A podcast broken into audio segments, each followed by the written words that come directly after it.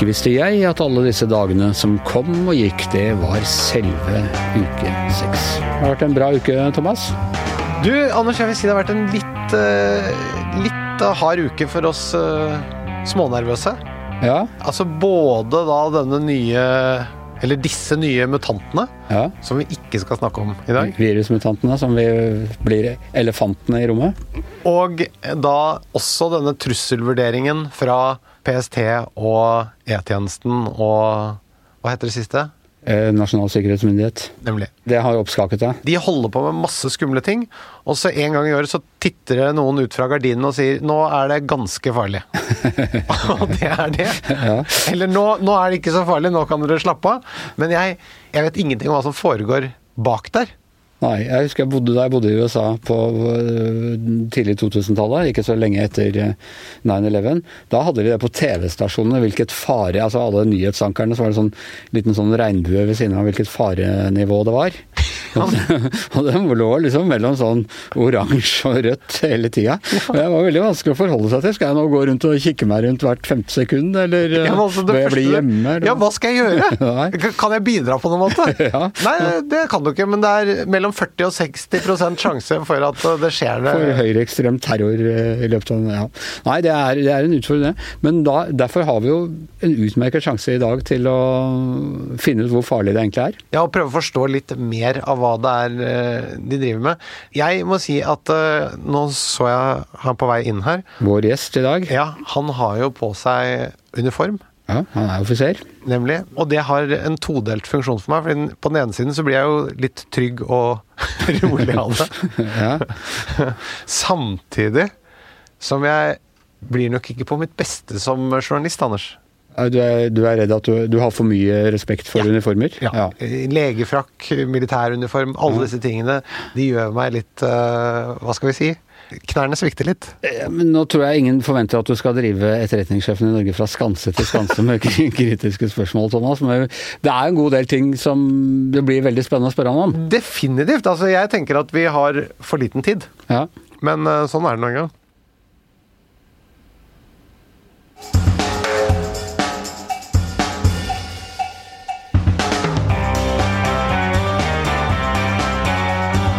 Så derfor, hjertelig velkommen til deg, Nils Andreas eh, Stensønes. Tusen takk. Ny sjef, må vi kunne si, for eh, den militære etterretningen i Norge. Ja. Eh, Hvor lenge er det du har eh, Jeg overtok i starten av november, så jeg har jo hatt jobben da i drøye tre måneder. Så det er helt riktig å kalle meg ny fortsatt. Ja. Eh, Det er ganske behagelig å ha det en liten stund. Ja, du mener at, at da er det, det er rom for tabbekvote i begynnelsen som etterretningssjef? Nei, det, jeg håper da inderlig ikke gjør noen store tabber, men eh, det er jo alltid sånn at jo lenger du holder på, jo større blir forventningen, og sånn skal det være. Ja. Og du hadde en slags ilddåp nå denne uka, eller i hvert fall første gang du virkelig da ble presentert eh, for det offentlige Norge, når dere hadde denne brifingen sammen med eh, Politiets sikkerhetstjeneste og Nasjonal sikkerhetsmyndighet om eh, sikkerhetssituasjonen for Norge, truslene mot Norge. Og hva vil du si er den aller største enkelttrusselen mot Norge i dag? Ja, jeg tror ikke vi skal si én, men det er i hvert fall tre som jeg har lyst til å trekke frem. Det ene er utviklingen på militær side, hvor det er en helt annen dynamikk nå med bruk av, av militære virkemidler. Eh, Det andre er at terrortrusselen er ikke borte. Eh, Vi ser at, eh, at det er en økning igjen for første gang siden 2017. Eh, Og det siste er jo da presset på demokratiet, altså påvirkning og etterretningsoperasjoner, som, som vi ser ganske mye av. Så den tradisjonelle krigen er fortsatt en, en stor trussel? Det er kanskje mest slående, eh, og det som er viktig å få frem, er at eh, den, den, den gamle forestillingen mellom fred og krise og krig, og at det er veldig separate saker, det, det ser vi ikke lenger. Nå er det en mer kontinuerlig konkurranse mellom stormaktene, hvor de bruker det, det som er deres styrke. Eh, Og Russland er jo typisk militærmakten, kanskje der hvor de er sterkest komparativt, mens andre, f.eks. Kina, er økonomisk sterke. Så de bruker de virkemidlene eh, for å kunne fremme sine, sine syn. Eh, Og Derfor er også militærmakten i Russland endret, sånn at den kan brukes allerede nå i fred, eller den kan brukes helt opp til en storskala krig. Men eh, nå har jo dere lagt opp til en eh, ny sånn og mer sånn åpen linje fra 2010, er det vel, når dere presenterer disse eh, åpne trusselvurderingene. Og så er mitt inntrykk er jo at det har hardnet til, som du sier, både militært og med handelskriger osv. Er det et paradoks at vi går en, med en mer sånn åpenhetslinje, mens, mens det da er større trusler? Er det et problem for oss at vi er så åpne? I forhold til disse andre, i forhold til Russland og Kina f.eks.? Eh, det var, var, jo et helt bevisst valg i, i, 2010 å gjøre det, men jeg tror det er smart, og særlig når situasjonen endrer seg og blir mer alvorlig. At vi kan bidra til at folk forstår hva som skjer rundt, rundt oss. Eh, for et demokratisk samfunn skal det jo være en god offentlig debatt, og hvis trusselbildet holdes skjult og på noen få hender, så blir ikke det noen god debatt. Eh, og så er det viktig å understreke at vår jobb er å finne trusler og potensielle trusler. Utviklingen gir jo en hel masse muligheter, eh, men det er ikke vår jobb. Så det blir vi av og til kritisert for. Men eh, det er viktig at eh, andre bidrar med det, og skal vi bidra med den, den riktigst mulige trusselforståelsen. Men er det et problem med det demokratiske system, den åpenheten som vi pålegger oss selv, at det er den største svakheten i kampen mot regimer som ikke vil ha åpenhet? Det er jo helt opplagt eh, noen ulemper med det, men jeg er helt overbevist om at fordelene er vesentlig større. Jeg er veldig, mye, veldig glad for å bo i Norge og ikke noen av de andre nasjonene. Så nå er det jo sånn at demokrati har mange fordeler, og det er en av ulempene. Og så er vi ganske nøye med eh, hva vi deler og hva vi ikke deler. Så det er ganske mye vi ikke kan si offentlig, fordi det ville ødelegge effekten av den, den jobben vi gjør. Nå var det, I fjor så hadde vi da et hackerangrep eh, på Stortinget. Mm. Uh, og nå mener jo det er vel PST kanskje, og ikke dere som mener at det var eh, russerne som står bak? Ja, Selve attribusjonen det er gjort av, av regjeringen. Ja. Og der er det Attribusjonen, hva vil jeg si? Det vil si ja, fastslå hvem som står bak angrepet. Ja. Eh, og Det er et samarbeid mellom Etterretningstjenesten, PST og eh, Nasjonal sikkerhetsmyndighet. Eh, og Det gjør vi gjennom det som kalles Felles cyberkoordineringssenter. Vårt bidrag er å se ut og se hva aktørene der ute gjør. Så vi så jo at dette angrepet var veldig likt det vi så i mange andre europeiske land. Så, så vårt bidrag er det, og samarbeider vi med partnere ute. Så, så vi er med på å skape det grunnlaget da, som regjeringen bruker når de sier jo nå er vi trygge på at det er Russland som står bak. For dette er jo også en del av det vi, de fleste av oss har lært om eh, moderne krigføring nå. Det er fra 2016 eh, russerne mm. som klarte å hacke demokratenes e-postservere, Hillary Clinton, alt sammen. Og de, de prøvde å påvirke utfallet. Av det amerikanske presidentvalget. Eh, det diskuteres litt i hvilken grad de gjorde det, men det er i hvert fall temmelig sikkert at de, at de prøvde. Eh, et angrep på Stortinget på den måten her, er det ledd i å prøve å eh, påvirke det norske stortingsvalget? Hva Akkurat denne kampanjen her, den er knyttet til en, en, tilsvarende angrep på veldig mange steder. Så de prøvde seg på mange institusjoner i Norge, og de prøvde seg på mange europeiske land tilsvarende. Eh, vi tror eh, at dette først og fremst er kartlegging. Og så er det sånn at kommer du først eh, inn, så henter du den informasjonen du kan. Og så kan den bli brukt senere, men vi har ikke noe grunnlag for å si hva den spesifikt skal brukes til nå. Dette er litt sånn opportunistisk. De prøver, og så skaffer de informasjon, og så vil den da kunne bli brukt hvis de ser det hensiktsmessig seinere. Men vet vi om de prøver å Om de har noen spesielle ønsker når det gjelder stortingsvalget i Norge?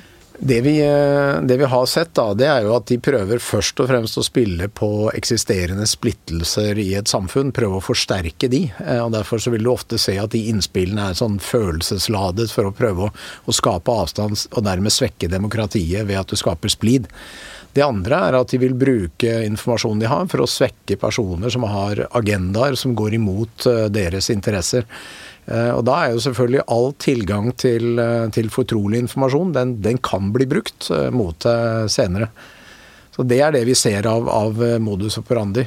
Når det gjelder stortingsvalget, så er det veldig få indikasjoner foreløpig, men vi er opptatt av å ligge foran og påpeke hvis det blir gjort. For vi tror en opplyst befolkning er mye bedre i stand til å skille mellom fakta og eh, falske nyheter. og det, det, vil gjøre befolkningen bedre i stand til å forstå hva som faktisk foregår på sosiale medier, nyheter osv.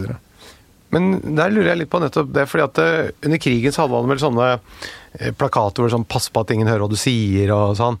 Mens eh, den trusselvurderingen som dere presenterer nå, den er mye mer sånn det er ganske farlig, det er fare for terror osv. Mm. Men det er veldig lite jeg kan gjøre for å agere på det som borger. Jeg, jeg føler ikke at jeg får noen instruksjon om hva jeg skal gjøre som bidrar til å og styrker rikets sikkerhet, da, for ja. å si det litt stort.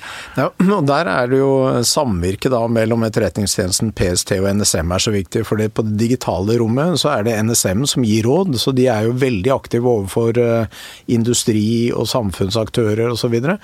Hvis du skal beskytte deg, så gjør følgende, så kommer de med, med oppskriften på det. Politiet etterforsker det som er lovbrudd, eh, og så er vår jobb da å gi varsler og gjøre de i stand til å følge opp det eh, innenfor landets grenser vi ser, vi ser ut. Eh, så du vil neppe oppleve Etterretningstjenesten beskrive hva dere skal gjøre, men det er det andre aktører som gjør uh, i, i, samfunnet. Du nevnte i sted dette med eh, den påvirkningen og det å spille på følelser. Sånn, sånn sett så må jo da algoritmene til Facebook f.eks. være et veldig nyttig instrument for eh, disse statene til å, å påvirke. Da. For de nettopp dyrker jo den type konflikter. De vil bruke de verktøyene de har som er effektive. og Nå er det jo sånn at IT-teknologi, sosiale medier er veldig effektive kommunikasjonsmidler. Da er det også veldig effektive til å spre desinformasjon. Eh, og det er veldig, veldig synlig. Nå, nå er det jo en del sånne mm, nye apper som er veldig populære og veldig mye nedlastet, eh, som er krypterte fra ende til ende. Eh, men et eller annet sted så finnes det jo en nøkkel til den krypteringen. Så hva tenker du om den type apper som eies da av enten av eh, privat næringsliv i Kina eller privat næringsliv i Russland, hvor det er så tett samkvem mellom privat næringsliv og staten? Ja, eh, Vi er primært fokusert på det som påvirker eh, statens sikkerhet. og Da er det jo primært statlige aktører og, og terrororganisasjoner. Og det er klart Hvis du snakker terrorister, så det, gjør det jo jobben vår vanskeligere å få tilgang til informasjon. Og så er det vår jobb da å prøve å komme rundt det, og likevel skaffe den informasjonen som er eh, nødvendig for at vi skal gi de, de varslene, trusselvarslene vi kan. Eh, og det her er en sånn stadig kamp hvor eh, teknologien utvikler seg, eh, krypteringen blir bedre, og etterretningsorganisasjonene jobber for å komme rundt, rundt den. Ja, fordi I USA så har jo myndighetene prøvd å få Apple til f.eks. å å åpne opp og gi informasjon som har foregått på deres plattform i forbindelse med kriminelle handlinger, f.eks. Og Facebook eier jo WhatsApp, som da eh, er såkalt kryptert. Men eh, og Facebook har jo vist seg å være villig til å selge informasjon. Så det må jo være en, en uh, ulempe at vi som stat ikke har noe kontroll med det, mens andre potensielt har tilgang på all informasjon som foregår der. F.eks. I planlegging av terror, eller hva det måtte være. Ja, det, Men eh, noe av dette eh, problemet der er jo bakgrunnen for eh, det som nå heter kapittel 87 i den nye etterretningsloven, som er, regulerer det som, som vi kaller tilrettelagt innhenting som går på å eh, kunne monitorere metadata fra den trafikken som passerer grensen. Det vil være veldig strengt eh, lovregulert, og det vil kontrolleres av Oslo tingrett. Men det vil gjøre, hvis vi har, går til Oslo tingrett og får tillatelse, så vil vi være bedre i stand til å få tak i eh, den trusselinformasjonen som kommer. Men det er veldig strengt regulert for å hindre at vi egentlig får tilgang til ting som gjelder norske privatpersoner. For det jobber vi ikke med overhodet. Ja, for det er jo en, en personvernhensyn på den andre siden her som jeg forstår. Ja, og det er, det er, det som er vanskelig, å balansere liksom, statens uh, interesser og behov på den ene siden, og personvernhensyn. Og der er jo, det er igjen fordelen med uh, liberale vestlige demokratier. Vi er veldig opptatt av den enkeltes rettigheter, i motsetning til en del andre stater som, uh, som ikke bryr seg så mye om det. Til gjengjeld så får de da en del informasjon som, som dere ikke får da, potensielt? Det vil de nok gjøre, eh, men igjen Vi har andre innsamlingsmetoder også. Tortur, blant annet. Som er, ja, ja, ja. Jeg bare sier at vi Jeg bare blir litt bekymret, for jeg føler at jeg ser definitivt paradokset, samtidig som jeg opplever at vi blir litt svake av det, da. Det er det, men, men, igjen, spør du meg, så foretrekker jeg eh, den svakheten. Og så får vi jobbe med det fremfor alternativet. Det tror jeg er vesentlig verre. Det, det jeg bare kan si, da, er at du vet veldig mye mer enn meg. Og det er godt å høre at du ser sånn på det, fordi hvis du gjør det, så, så er jeg villig til å roe meg litt ned. Men du, jeg er helt sikker på at uh, uansett hvem vi snakker med etterretningssjefene i hvilket som helst land, diktatur eller hvor som helst, så sier de nei, nei, vi bare beskytter våre interesser, og vi beskytter våre borgere og våre, uh, våre interesser. Uh, men Norge har vel også offensive etterretningsoperasjoner? altså Hvor man ikke nødvendigvis bare beskytter, men hvor man prøver å ligge i forkant og, og sånn? Ja, Det ligger i etterretningens natur. Det er jo å forstå hva eh, motparten kan, eh, kan, finne på å gjøre. For eh, det som skiller en etterretningsorganisasjon fra tenketanker og det andre, er jo at vi prøver å komme på innsiden av, av motpartens hemmeligheter. For hvis det er noen som vil oss vondt, så vil de prøve å skjerme det. Eh, så vi jobber med å komme på innsiden av det med forskjellige teknikker, og det, eh, det, er det du kaller offensiv, altså etterretningsinnsamling. Og det kan du ikke bare få til med norske statsansatte på Statens lønnsregulativ? ja, ja, altså snakker vi jo ikke om nøyaktig hvordan vi gjør det, Nei. men det ligger i etterretningens natur. Det er å prøve å avsløre disse hemmelighetene hvor man prøver å skjule ting som kan være trusler mot Norge. Og Det vil vel også være argumentasjonen til stater vi ellers ikke syns det er naturlig å sammenligne oss med? Ja, og så er det igjen da hvilke, hvilke, verdier og hvilke samfunn jobber du for. Eh, vi jobber for eh, den norske stat og norske verdier og, og beskytte oss mot trusler mot eh, Norge og Norges interesser. Og så er den nye etterretningsloven formidabelt forbedring fra den forrige. Den gir oss et godt hjemmelsgrunnlag, men også veldig gode kontrollmekanismer med hvordan vi utfører eh, tjenesten. Sånn at man kan føle seg trygg på at vi holder oss innenfor eh, for det som er demokratisk kontroll, og, og de personvernhensynene som skal tas. For det regulerer Altså, du leder vel antagelig, vil jeg tro, den eneste statlige institusjonen hvor det er lov til å bryte loven i andre land, i hvert fall, om ikke, ikke i Norge? Nå er sånn Etterretningsvirksomhet er, eh, om ikke det er tillatt internasjonalt, så er det akseptert. Eh, alle gjør det. og noe av eh, fordelen med det er at ved at du bryter ned disse hemmelighetene og det vi også kaller sånn mysterier, hva har de til hensikt å gjøre, det er jo at vi reduserer faren for mis misforståelser og uønsket eskalering. I tillegg til at vi skal sette våre beslutningstagere bedre i stand til da, å ivareta norske interesser. Vi snakket om, litt om i begynnelsen at vi er i en helt ny situasjon. altså Krigen, stridsmidlene, våpnene er, er, helt annerledes. Kanskje de konvensjonelle krigene er over. En av styrkene til Norge er at vi er veldig rike. Et lite land. Eh, vi har et digert oljefond. Kan oljefondet brukes som et våpen? Offensivt? Knuse små økonomier og valse gjennom Nei, det blir, det blir, et politisk spørsmål. Eh, så det tror jeg ikke jeg skal si noe om. Det ser jo ikke sånn ut, så Ok, men la meg stille et annet spørsmål, da. Kina gjør jo en masse eh, oppkjøp internasjonalt, både teknologisk og i eiendom og, og områder. Kan man se det som et Eller bør vi se det som et eh, Hva skal vi si for noe? Et ledd i en større eh, måte å skaffe seg kontroll på, og dermed også i sammenheng med militære operasjoner? Ja, nå er det jo, øh, I Kina er det jo relativt tette bånd mellom næringsliv og, og, myndighetene. Og en øh, stormakt som er på vei opp, som, øh, som Kina, vil jo prøve å endre omgivelsene til sin fordel. Eh, og da bruker man de, de virkemidlene man har, og da er økonomisk makt eh, selvfølgelig også et, et maktmiddel. Så, så, det vil være naturlig at de, de prøver på strategisk oppkjøp osv. for å fremme sine interesser. Så når vi er veldig sånn positive til at vi må ha økonomisk samhandling med Kina, for da kan vi snakke med dem om menneskerettigheter og sånn, så kan det være litt naivt, da, eller? Ja, altså, Som jeg eh, var litt inne på, så er, eh, så er, det jo alltid to sider av en sak. Eh, det er muligheter her, og det er også noen trusler. Så det vi påpeker er at man må være oppmerksom på at her kan det bli brukt til andre ting enn det det ser ut som i første omgang. Og så blir det jo da eh, opp til eh, de relevante myndighetene, om det er regjeringen eller hvem, å også veie de hensynene mot hverandre. Eh, og det, det, velger vi helt bevisst å ikke sette de mot hverandre, for det, det er ikke vår jobb. Men det betyr at når, hvis Kina f.eks. kjøper opp et eh, verft inni en fjordarm eh, i Norge, så er det ikke nødvendigvis fordi de er sånn kjempeinteressert i skipsverft akkurat der, eller når de skal bygge 5G-nettet vårt, så fordi de vil hjelpe oss med at vi får raskere kommunikasjon mellom borgerne. Det er ikke sikkert at det bare handler om, om det.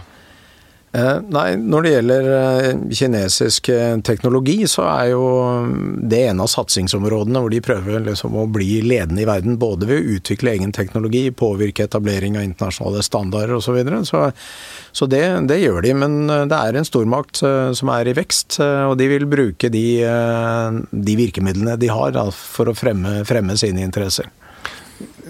Har vi i Norge stor nok forståelse av vår egen strategiske posisjon? Ja, hva, hva, er stor nok? Eh, altså, er, er, vi, er, vi, er, vi, naive eh, i forhold til eh, betydningen av vår strategiske posisjon? Jeg tenker på i forhold til grønn utvikling, mm. teknologi osv. Jeg tror um, det som er veldig signifikant da, etter slutten på den kalde krigen, og det var jo uh, end of history-type uh, samtaler, så er det Vi er tilbake til uh, egentlig normen i historien, hvor det er konkurranse mellom stormakter. Eh, og Det er klart det er noe vi skal være bevisst på, og det er også grunnen til at vi blant annet grunnen til at vi kommer ut med Fokusrapporten. Det er for å bidra til at det offentlige ordskiftet og oppfatningen blir eh, eh, realistisk. At de får med seg hva som kan være trusler mot Norge. Og at vi er oppmerksom på det også når vi, når vi tar beslutninger og utvikler oss videre ser også at kineserne er ofte inne og støtter eh, innen akademia. De, de, gir pengestøtte og priser til akademikere og sånt. Og er det også potensielt en måte å påvirke de som er meningsdannende, og hvordan vi forstår og ser verden eh, på, å ha en tett eh, relasjon til dem i andre stater? Men der er det også lange historiske linjer hvor alle, alle, stormakter har også vært teknologisk ledende. Eh, så det at man ønsker å, å fremme og utvikle egen kompetanse og teknologi og, og know-how, det, det, anser jeg som en naturlig del av det å utvikle posisjonen sin som, eh, som stormakt. Og så er spørsmålet hva brukes det til? Eh, og og Det er jo der vi skal være litt oppmerksom på hva, det, hva den kompetansen kan bli brukt til. Jeg tenker ikke nødvendigvis bare teknologisk, men også på sånn samfunnsforskning og måte å forstå samfunn på, mennesker på. Eh, det kan jo også påvirke måten disse fagpersonene, og sånn sett da myndighetspersoner eller folk som er med å danne vår oppfatning av hvordan vi ser på verden, eh, blir påvirket. da. Ja, og det, det, er jo også det normale at du, du, har en sånn kulturell påvirkning. Eh, og så er det jo stor forskjell på samfunnssystemet i Kina og i Vesten. Eh, hvor de har en helt annen form for sosial kontroll enn det, det vi har. Og det, det, er jo eh, Det ser vi jo i, i, måten de utvikler teknologien, og ikke minst brukeren, og, og denne kunnskapen de bygger. Så bygger du et annet samfunn og, og står for noe andre normer enn det vi gjør i Vesten. Men du nevner, har jo nevnt nå flere ganger at du, tror på, det er jo på en måte credo til alle som, oss som tror på demokratiet, at ok, det er ulemper ved det, men mm. det er det beste systemet. Men er ikke Kina nettopp et eksempel på noen som har klart å forene på en måte både den frie markedskapitalismen med det statsstyrte diktaturet.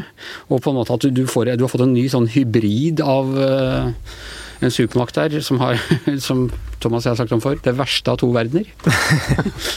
Ja, eh, det eh, skal jeg være litt forsiktig med å karakterisere egentlig eh, hvorfor de har, har, har vokst. For det har ikke vi studert i, i, noe særlig grad. Vi registrerer jo at de vokser som, som stormakt, og at de bruker liksom alle virkemidlene de har. Og så har de et annet samfunnssystem, og så skal jeg være litt forsiktig med å si om det er grunnen til at de lykkes eller ikke. Det, det tror jeg ikke vi har grunnlag for å, for å si.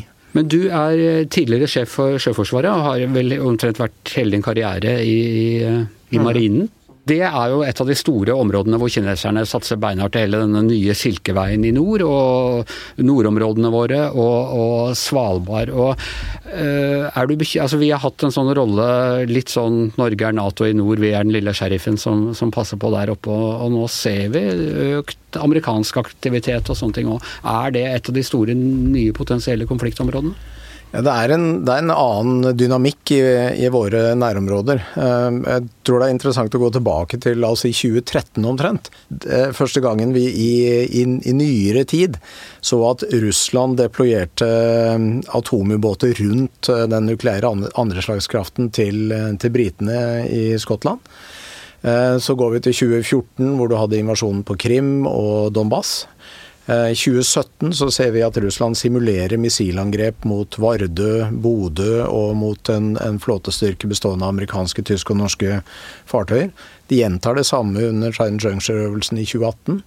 2019 så etablerer de eh, en øvelse med et Ocean Shield, hvor de egentlig demonstrerer vilje og evne til å dominere helt ned til Grønland, Island, England. Og i 2020, så i, i, fjor høst, så egentlig la de masse fartøy tett på England over en lang periode, støttet av ubåter. Så det vi ser er at Russland er mye mer aktive, og de demonstrerer en vilje og en evne til å, å kanskje dominere dette området. Og Det er vel det mest signifikante vi ser i, ser i, vårt område. og Da er det ikke urimelig at eh, Nato og Norge responderer, sånn at de ikke lar dette være russisk område. Men ja, og Den balansen vi da alltid har gått på der, eh, er den da truet med avskrekking og ja, det, det, er jo alltid en balanse mellom avskrekning og beroligelse. Vi har et veldig godt samarbeid med Russland på mange sider, og med bakgrunnen min, særlig kystvakt eh, og grensevakt osv., så, videre, så så er det et veldig godt samarbeid. Men som jeg sier, det er den utviklingen hvor Russland går lenger vest og mer aktiv, Eh, den kunne man enten latt være, og da ville Russland dominert området, eller man eh, kan prøve å svare. Når det gjelder Kina i nord, så er eh, så aktiviteten ganske moderat. Vi ser at de har bygget en ny isbryter, som vi ser i nord. Og så satser de på forskning, og så er det etableringen av den polare silkeveien. Der er vi mer usikre på hvordan det går, for vi er litt mer usikre på om det egentlig er noe Russland er, og i hvilken grad de er interessert i det, og hvilke interesser de har. Men du, du sier at de har både vilje og evne. Hva, hva er det igjen da for at det ikke skjer?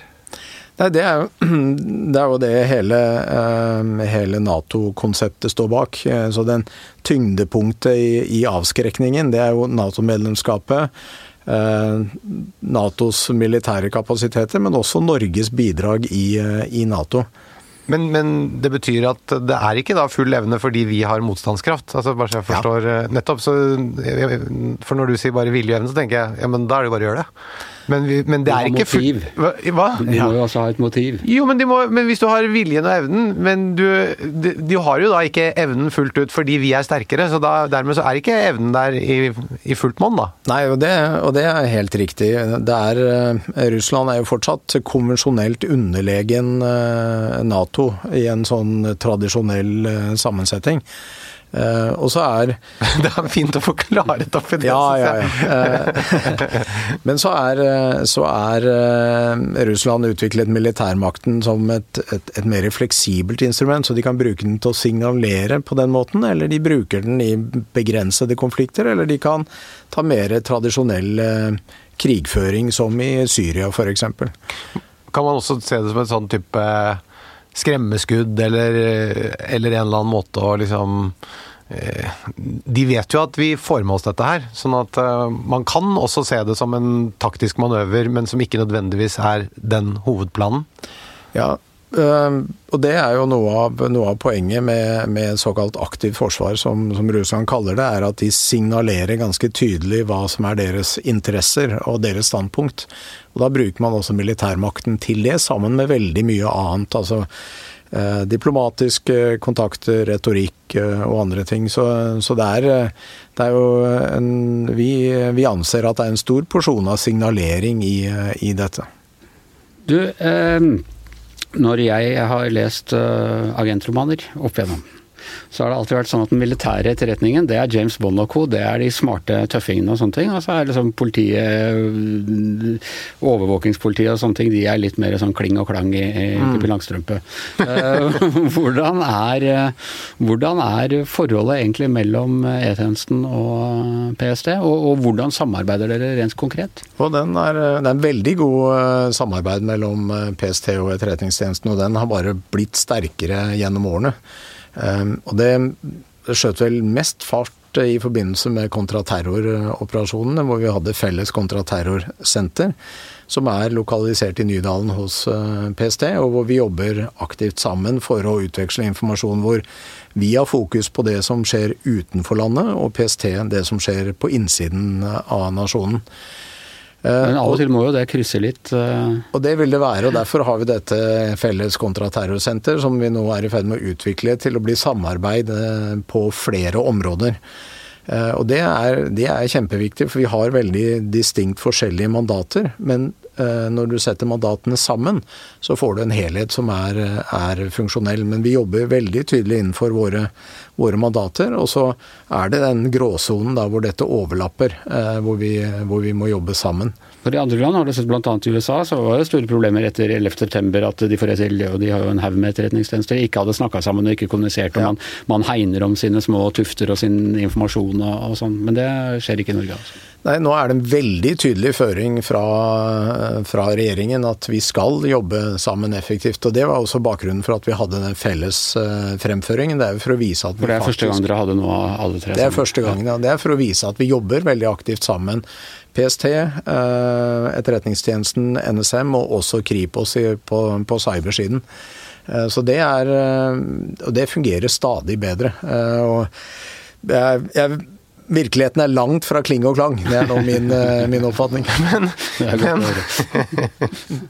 Men, men eh, det står vel også i rapporten beskrevet at det er ingen av disse truslene som nettopp kan ses på isolert. At det fordrer en veldig stor grad av samarbeid mellom dere og PST. Hadde det ikke organisatorisk da vært mer opportunt å slå det hele sammen og så heller hatt underavdelinger? Det, det er jeg egentlig ikke enig i. eh, Fordi du har en militær etterretning, må nødvendigvis fokusere mye på de militære virkemidlene, men vi må også fokusere på, på helheten og hvordan det fungerer. Eh, Og så er det eh, politiet som har politioppgaver, å se innenlands. Og er, jeg, jeg vil tro det er problematisk å blande påtale og påtalemakt og myndighet med utenlandsetterretninger. Eh, Så man ville egentlig ikke oppnådd noe annet enn at du hadde fått skillelinje eh, på et, på et annet sted. Eh, Og det er, det er min eh, oppfatning etter disse tre månedene at det er en veldig hensiktsmessig eh, fordeling, også fordi vi samarbeider med forskjellige organisasjoner eh, i andre land. For de fleste har landet på en sånn fordeling mellom politi og etterretningsorganisasjoner. Men er det sånn at dere f.eks.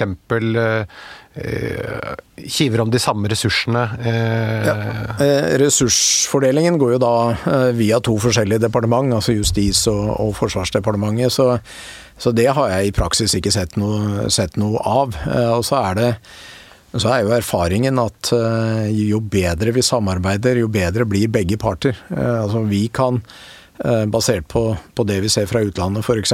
fange opp terrorister som eh, slippes løs eh, fra fangenskap eh, f.eks. i Syria og er på vei til Norge. Informere PST, og så kan PST følge opp den saken når de kommer på innsiden av, av, eh, av landets grenser.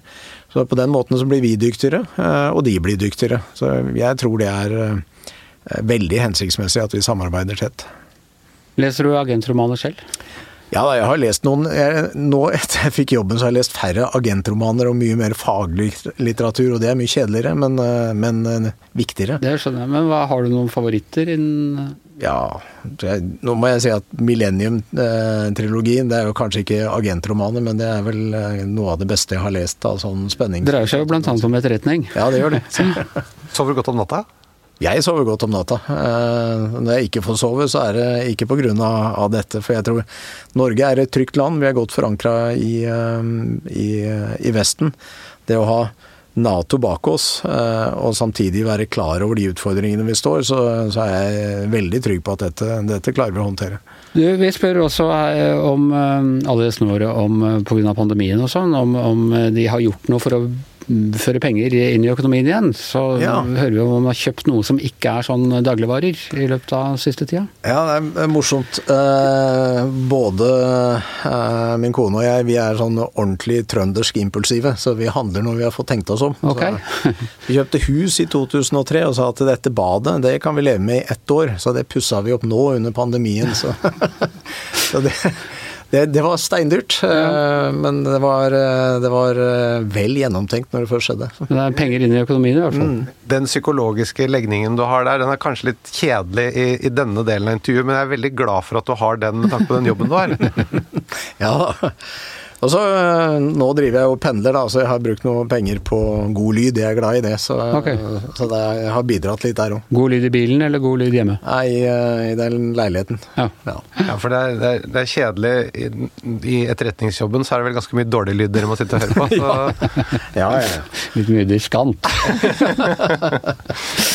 ok, Thomas, har du kjøpt noe? Du, jeg har kjøpt Altså, du, det er jo egentlig ikke lov med dagligvarer Nei? inn i denne posten. Nei, Hvis de er veldig dyre, så er det lov. Det er ikke så veldig dyre, men det er veldig spesielle. Jeg kjøpte upasteurisert yoghurt på Reko-ringen okay. i så mye som jeg kunne uten at det skulle bli, gå ut på dato, for det går fortere ut på dato, vet du. Det gjør det. Men altså, det var, jeg må bare si, helt fantastisk godt. Er det det? Ja, det Både konsistens og smak. Altså, det var så, det var så For jeg må godt. si jeg spiste det som 13-åring på Island, og det, jeg, det syns jeg ikke var godt. Hva var det hadde- du ikke likte? Ikke konsistens, ikke smak, ingenting ved det. Men altså, da var jeg 13 år, smaksløkene mine er blitt mer sofistikerte siden det. Ja, men dette her er sånn, sånn tjukk Du vet sånn gresk yoghurt? Ja. Så det er mye sånn tjukkere.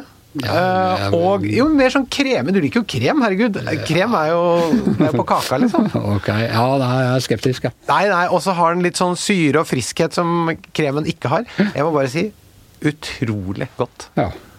Ok. Uh... Jeg regner ikke med at jeg verver noen her nå, verken deg som er skeptisk i utgangspunktet, og denne trønderske impulsiviteten som, eh, som du beskrev, så, så da får det bli meg. er du trønder, forresten? Nei, nei, nei. Jeg er sånn eh, Nato-unge, født i Etiopia, vokste opp på Østlandet og vest- bodd i vest, på Vestlandet og sånn. Så, Ok, okay. så så det, det løper i familien, rett og slett? ja, ja, ja, ja. Jeg skjønner. Ja, nei, jeg, Hva har du kjøpt, da? Eh, jeg har ikke kjøpt noe, men jeg holdt på å kjøpe. Det var, jeg hadde sånn eh, liggende inne på Finn på en sånn ball chair. Eh, kjenner til det? Sånn, ser, det er ikke egget, men den ser enda mer ut som et egg. Oh. Eh, som jeg har hatt litt lyst på. Sånn nesten tegneserieaktig stol. og hvor mye koster den? Nei, den kosta ikke så mye. Den kosta masse. Vi skal kjøpe en ny, men så kom det plutselig opp en som var eh, innenfor rimelighetens grenser. Som var Eh, 3500 tror jeg han liksom starta på. Hvor går grensen for rimelighet? Under ti, syns jeg. Ja, å ja, da er eh, den godt innenfor rimelighetens grense. Ja, godt innenfor rimelighetens grense. Altså, en ny koster den 70 000, ikke sant. Oi, oi, oi. Så, men så gikk jeg likevel, så ble jeg litt gjerrig og tenkte litt, og så var jeg litt i kommunikasjon med han og sånne ting. og Det var gått noen skall av bak, og jeg var litt usikker og sånne ting. Men så bestemte jeg meg i løpet av helgen, og så mandag så ringte jeg, og da var den solgt, så ja, se her, her har følelsene villedet deg. Du skulle hatt uh, sinnelaget Ja. Ja, da hadde jeg ikke- da hadde jeg ennå ikke sjekket om den var solgt eller Vært ikke. sikret og ferdig med det. Da hadde jeg ikke sjekka om den var solgt eller ikke ennå, så Ok, men med det så um, er eh, Gjever og Gjertsen over for denne uka. Tusen takk til eh, Nils Andreas Stensønes. Uh, tusen takk til Thomas Gjertsen. Jeg heter eh, Anders Giæver, og vår kontroll er Magne Antonsen, produsent. Vi høres igjen neste uke.